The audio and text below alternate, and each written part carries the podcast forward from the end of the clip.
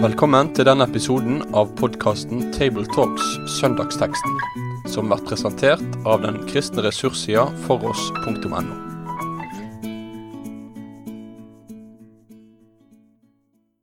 Ja, Da ønsker oss eh, velkommen til en ny episode i Tabletalks. Nå er det gruppa i Stavanger som er samla. Det er Øyvind Solheim som er forkynner i NLM i region Sør-Vest. Det er Erling Lundeby som er arkivleder i NLM og lærer på Fjellhaug internasjonale høgskole. Og så er det Jan Helge Aarseth som er forsamlingsleder i IKF i region Sør-Vest. Denne søndagen, som er tredje søndag i åpenbaringstida, så er teksten henta ifra Johannesevangeliet kapittel 4, vers 4 til 4. 26 det handler om den samaritanske kvinnen, og da skal oss høre bibelteksten først. Han måtte da reise gjennom Samaria. Han kom da til en by i Samaria som heter Sykar. Den ligger i nærheten av det jordstykket Jakob gav sin sønn Josef. Der var Jakobs brønn. Jesus var trett etter vandringen og satt nå der ved brønnen. Det var omkring den sjette time. Da kom en kvinne fra Samaria for å dra opp vann, og Jesus sier til henne, Gi meg å drikke. Disiplene hans var gått inn i byen for å kjøpe mat. Den samaritanske kvinnen sier til ham, Hvordan kan du som er jøde be meg, en samaritansk kvinne, om å få drikke? Jøder har nemlig ikke omgang med samaritanene. Jesus svarte og sa til henne, Kjente du Guds gave, og visste du hvem det er som sier til deg, Gi meg å drikke? Så hadde du bedt ham, og han ville gi deg levende vann. Kvinner sier til ham, Herre, du har ikke noe å dra opp vann med, og brønnen er dyp. Hvor har du da det levende vannet fra? Du er vel ikke større enn vår far Jakob som ga oss brønnen og selv drakk av den, og likeså hans sønner og buskapen hans. Jesus svarte og sa til henne, Hver den som drikker av dette vannet, blir tørst igjen men den som drikker av det vannet jeg vil gi ham, skal aldri i evighet tørste. Men det vannet jeg vil gi ham, blir i ham en kilde som vann som veller frem til evig liv. Kvinner sier til ham, Herre, gi meg dette vannet, så jeg kan slippe å tørste og gå hit for å dra opp vann. Han sier til henne, Gå og rop på mannen din, og kom så hit. Kvinnen svarte, Jeg har ingen mann. Jesus sa til henne, Med rette sa du, Jeg har ingen mann for du har hatt fem menn, og den du nå har, er ikke din mann. Der talte du sant. Kvinnen sier til ham, Herre, jeg ser at du er en profet. Våre fedre tilba på dette fjellet, og dere sier at Jerusalem er stedet hvor en bør tilbe. Jesus sier til henne, Tro meg, kvinne, den time kommer da dere verken skal tilbe i Faderen, tilbe Faderen på dette fjell eller i Jerusalem. Dere tilber det dere ikke kjenner, vi tilber det vi kjenner, for frelsen kommer fra jødene. Men den time kommer, og det er nå, da de sanne tilbedere skal tilbe Faderen i ånd og sannhet, for det er slike tilbedere Faderen vil ha. Gud er ånd, og de som tilber ham, må tilbe i ånd og sannhet. Kvinnen sier til ham, Jeg vet at Messias kommer, han som kalles Kristus. Når han kommer, skal han forkynne oss alt. Jesus sier til henne, jeg er det, jeg som taler med deg. Ja, himmelske Far, nå ber oss om lys over ordet her, velsign oss du, og takk for at du er den som vil møte oss på samme måte som du møtte kvinna ved Sykars. Amen. Ja, her er disiplene og Jesus ute på vandring, og oss møter de her på reisa, og da blir det en stopp, både på en eh, plass som eh, kanskje var litt uvanlig, og det blir også et uvanlig møte. Eh, kan oss si litt omkring eh, den plassen der Jesus var? Hva slags eh, plass var det? Sykarsbrønn. Det var den brønnen som er omtalt i Første Mosebok. og ligger nord for Jerusalem. Den var utrolig dyp, visstnok 32 meter. Når vi tenker over egentlig det, hvordan de har stredd som har lagd til den brønnen.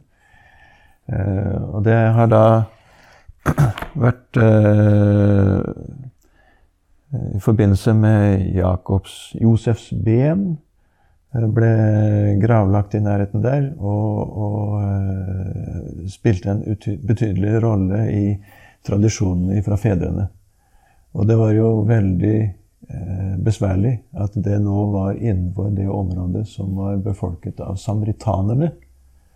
Som var en gruppe som eh, sto i, i sterk motsetning til det jødiske folk. Ja, for dette med det samaritanske folket, det var vel en blanding mellom på en måte det jødiske og eh, rester av den asyriske okkupasjonen, var ikke det det som eh, ble på en måte miksa inn? Jo, da asyrerne eh, invaderte Israel, så tok de jo eh, flesteparten av folket som fanger og førte de vekk. Og så erstatta de de med andre folk. Bosatte de i eh, Samaria-området for å dyrke land og, og, og, og, ha politisk kontroll der. Og de folkene ble værende igjen, og eh, ble et blandingsfolk som da i noen grad ønska å følge den lokale religionen slik de oppfattet det, og ble dermed opplært i Moseloven, men de anerkjente ikke eh, profetene eller salmene, f.eks.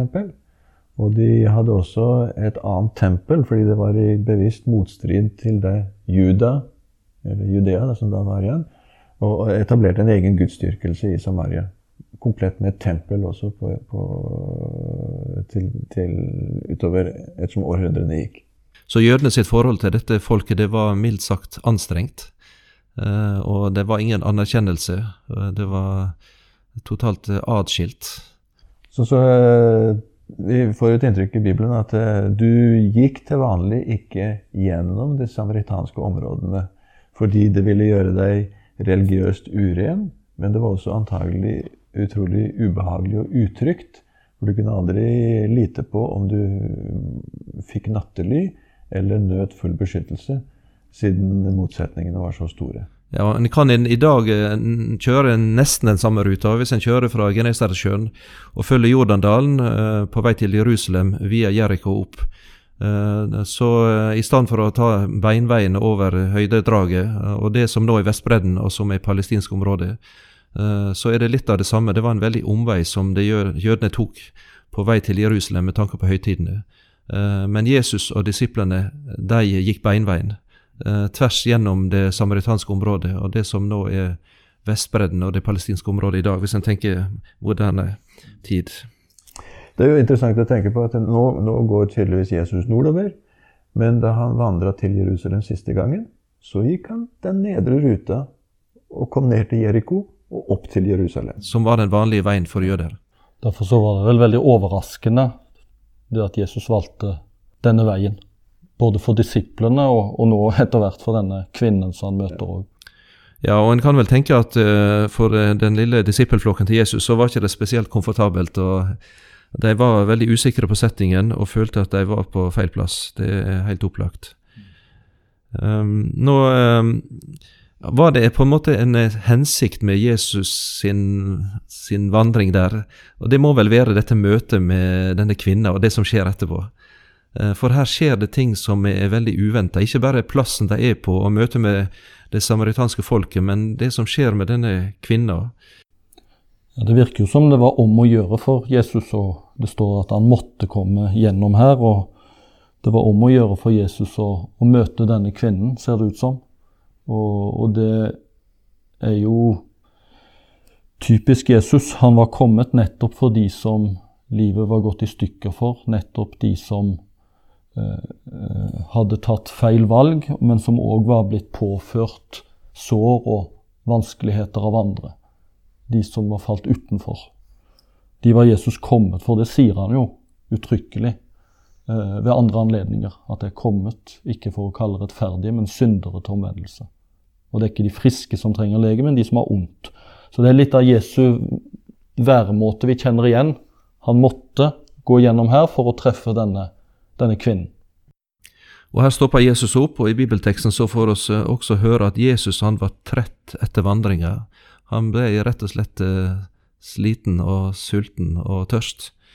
Eh, hva kan det si oss om, eh, den, om Jesu person, som er viktig å ta med oss? Eh, og så har jeg lyst til å koble det på det som du sa, Øyvind. Fordi nettopp det at Jesus eh, hadde det eh, for seg. Du kan si Han var blitt minnet av sin far om at det er en kvinne, det er en gruppe mennesker oppe i disse landsbyene her som eh, ikke er langt unna Guds rike. Men det kosta de svette og, og, og mye angst og uro. Og til og med Jesus ble så trøtt at han måtte sette seg eh, for å hvile. Så det var liksom ikke noe sånn, det er ikke noen sånn Supermann-takter over dette her. Og var Jesus trøtt, så kan jeg godt tenke meg at disiplene var like sigende.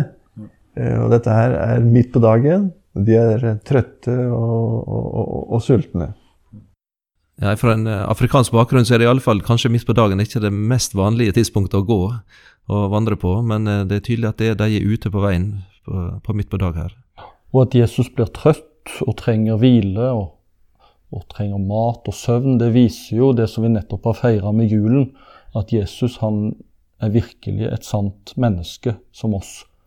Født av en kvinne og som trengte omsorg, hjelp, og som nå var trøtt etter vandringen. Han er et sant menneske. Selv om han etter hvert overrasker denne kvinnen med å, at han viser at han også kjenner hennes liv.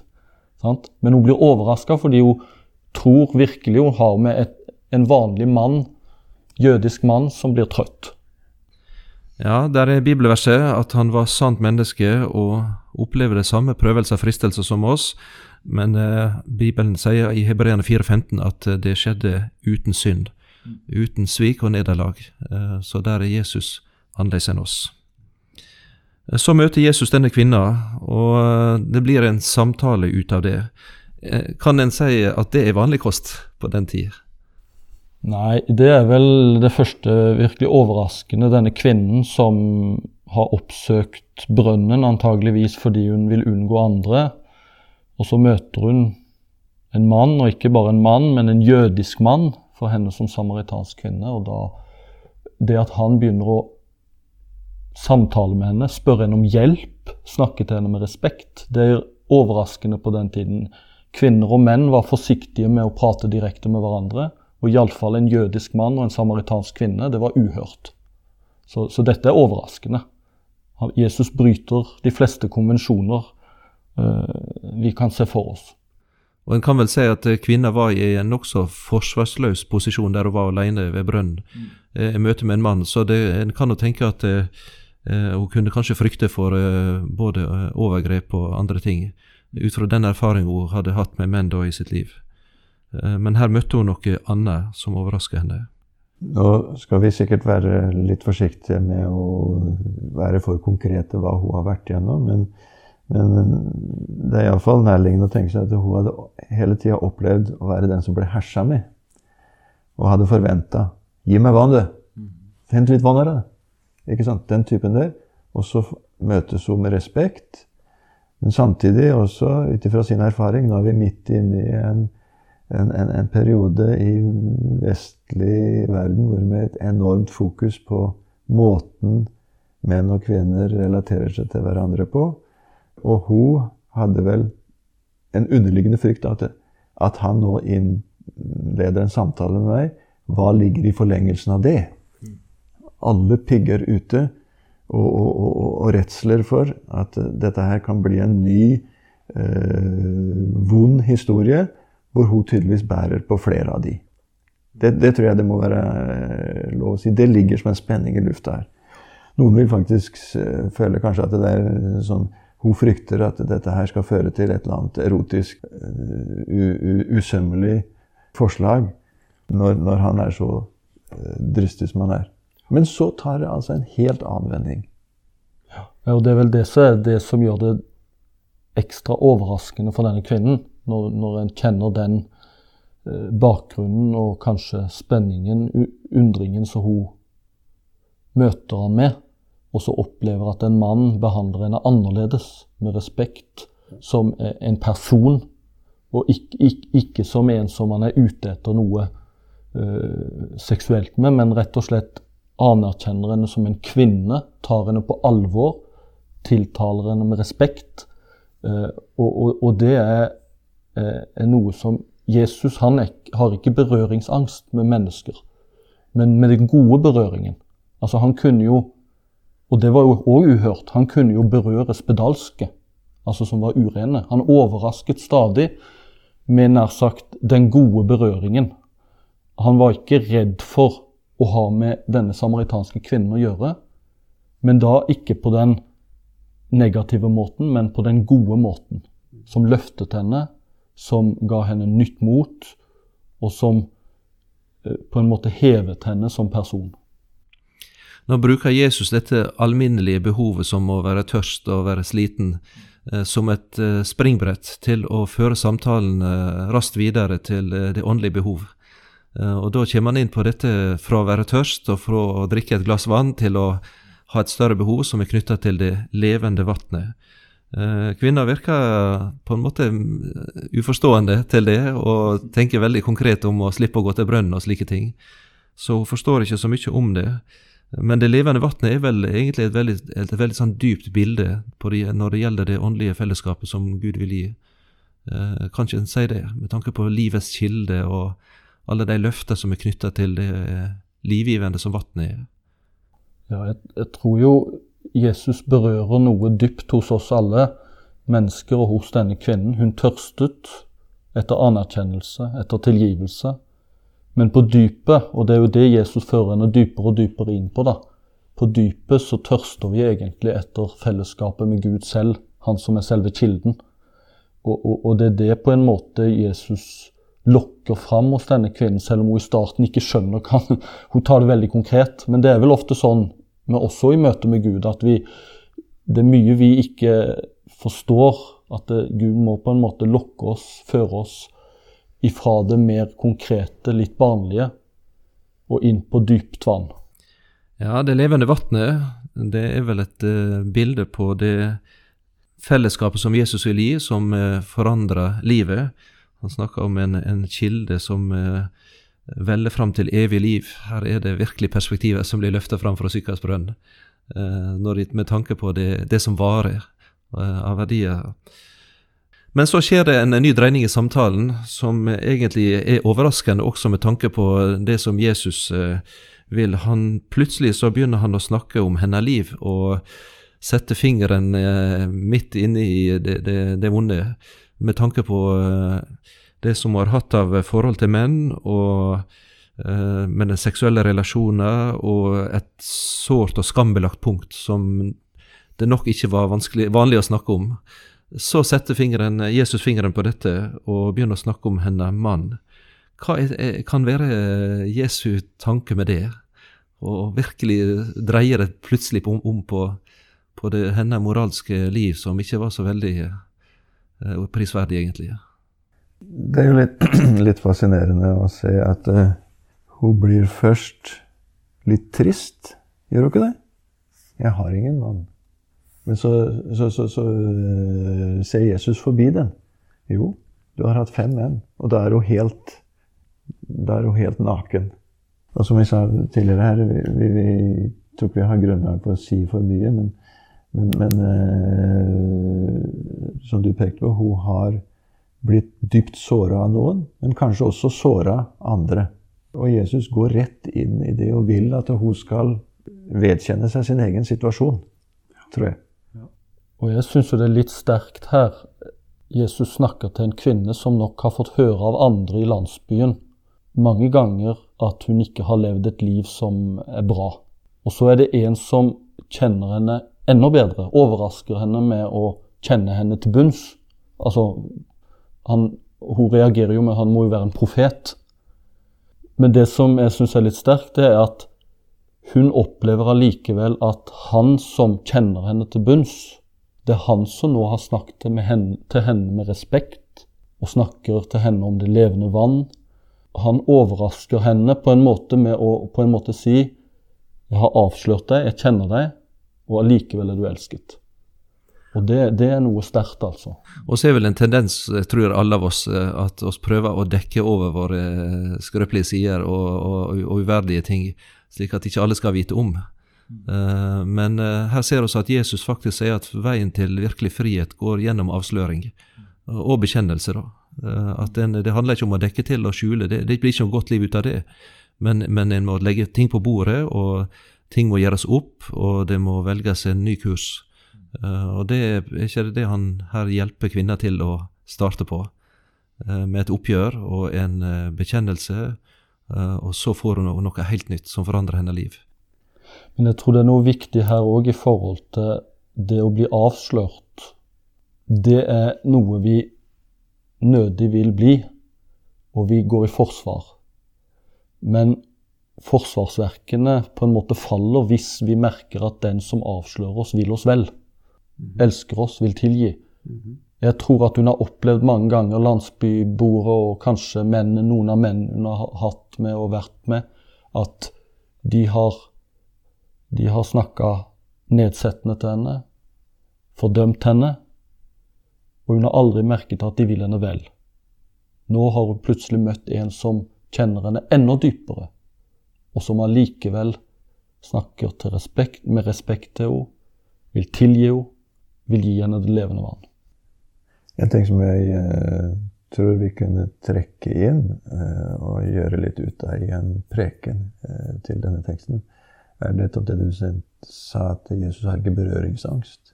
Fordi en del av de sakene som har vært oppe om overgrep og mangel på respektfull omtale og slik, det gjør at den trekker seg så langt unna at det nå er egentlig ganske vanskelig. Hva kan du si, og hva kan du ikke si? Eh, F.eks. når du har med barn å gjøre, så er det noen, noen som har fått det for seg at du kan ikke ta barn på fanget. For da kan du bli for, eh, beskyldt for uh, en utilbørlig nærhet til barnet og allting sånt noe. Og, og, og det, det, er meget mulig at mye av det som er oppe i tiden, gjør at vi får berøringsangst for hverandre.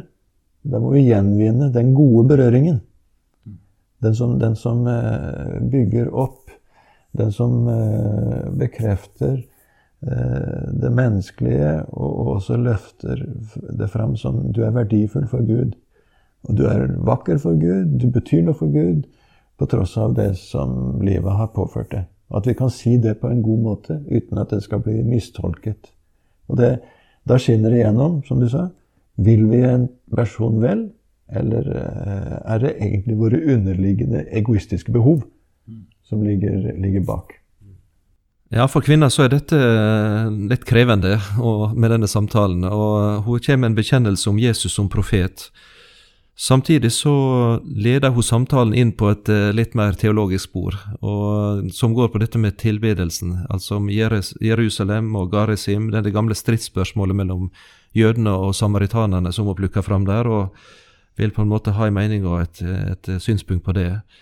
Eh, så er det en, en, avsporing, eller hvordan kan en tenke at hun prøver å snakke seg ut av det? Ja, Det kan kanskje virke sånn. Eh, samtidig så kan det jo virke som hun på en måte er genuint opptatt av det òg. fordi når hun kommer til landsbyen og skal fortelle om dette, så, så, så sier hun jeg har møtt en som har fortalt meg alt. Han skulle vel ikke være Messias?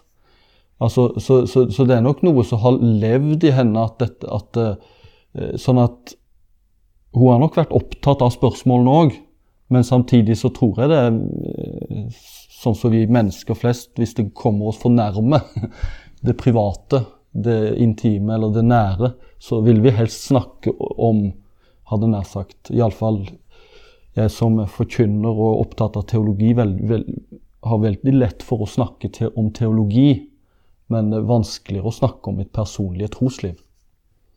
Så, så, jeg tror du berører noe at det er nok en lit, liten unnamanøver. Samtidig så arresterer ikke Jesus henne på at hun stiller spørsmålet. Men han sier at eh, på sett og vis at eh, både vi jøder og dere samaritanere skal vite at det kommer en tid hvor sted ikke er det viktige lenger. For Gud vil ha tilbedelse i ånd og sannhet, og den tida er nå. Og der er fokuset tilbake på den personlige relasjonen og gudskunnskapen og gudskjennskapen som Jesus vil eh, ha fram hos henne. Ja, og kvinna kommer da med denne bekjennelsen da her til slutt. Jeg vet at Messias kommer, han skal kalles Kristus. Når han forkynner oss, skal han forkynne oss, kommer skal han forkynne oss alt.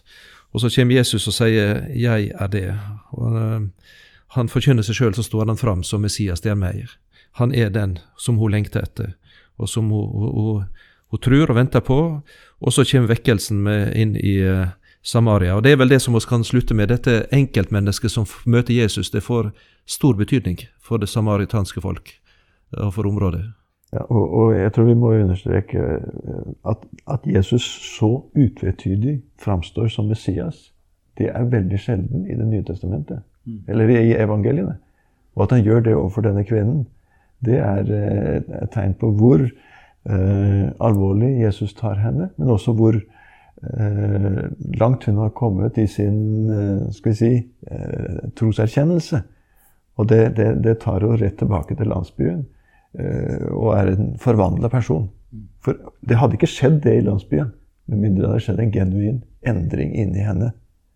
Det hadde hun ikke hatt mot til, det hadde hun ikke hatt frimodighet til. Og de andre så det og ble så nysgjerrige at de kommer ut. Hva er det som har skjedd? Dama er helt annerledes. Ja, og, og, og, hun blir jo en oppfyllelse av det Jesus selv sier om at den som drikker det levende vannet, skal selv bli en kilde som det skal strømme. Og hun, hun, hun drikker seg utørst på Jesu tilgivelse og anerkjennelse.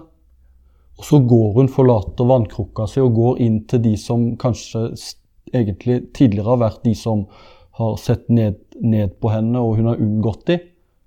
og så forteller hun frimodig om en som har forandra livet hennes. Og så blir det vekkelse. altså De, de, de blir nysgjerrig på Jesus pga. hennes ord. Jeg ser for meg Der har hun hele tida vært utsatt for nedlatende tale, og hun har svart med samme mynt.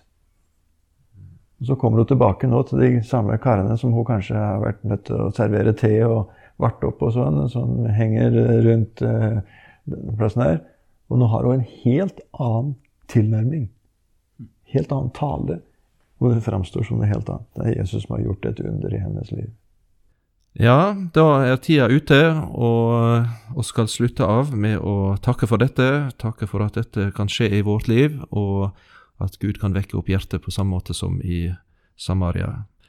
Himmelske Far, så takkes deg for at du er den som er livets kilde. Takk for at du er Messias, Kristus. På samme måte som du kom til ei kvinne i Samaria ved Sykas brønn, slik kommer du til oss, for å gi oss eh, tilgivelse, fred, oppreisning, verdighet, en, nytt liv, et evig liv. Og takk for at oss finner dette alt i deg og i trua på deg, du som er det fullkomne Guds lam, som bar også vår synd. Herre, hjelp oss å tru dette og følge deg, og til å dele dette med de som ennå ikke kjenner til. I Jesu navn. Amen. Med det sier vi takk for følget for denne gang. Finn flere ressurser, og vær gjerne med å støtte oss på foross.no.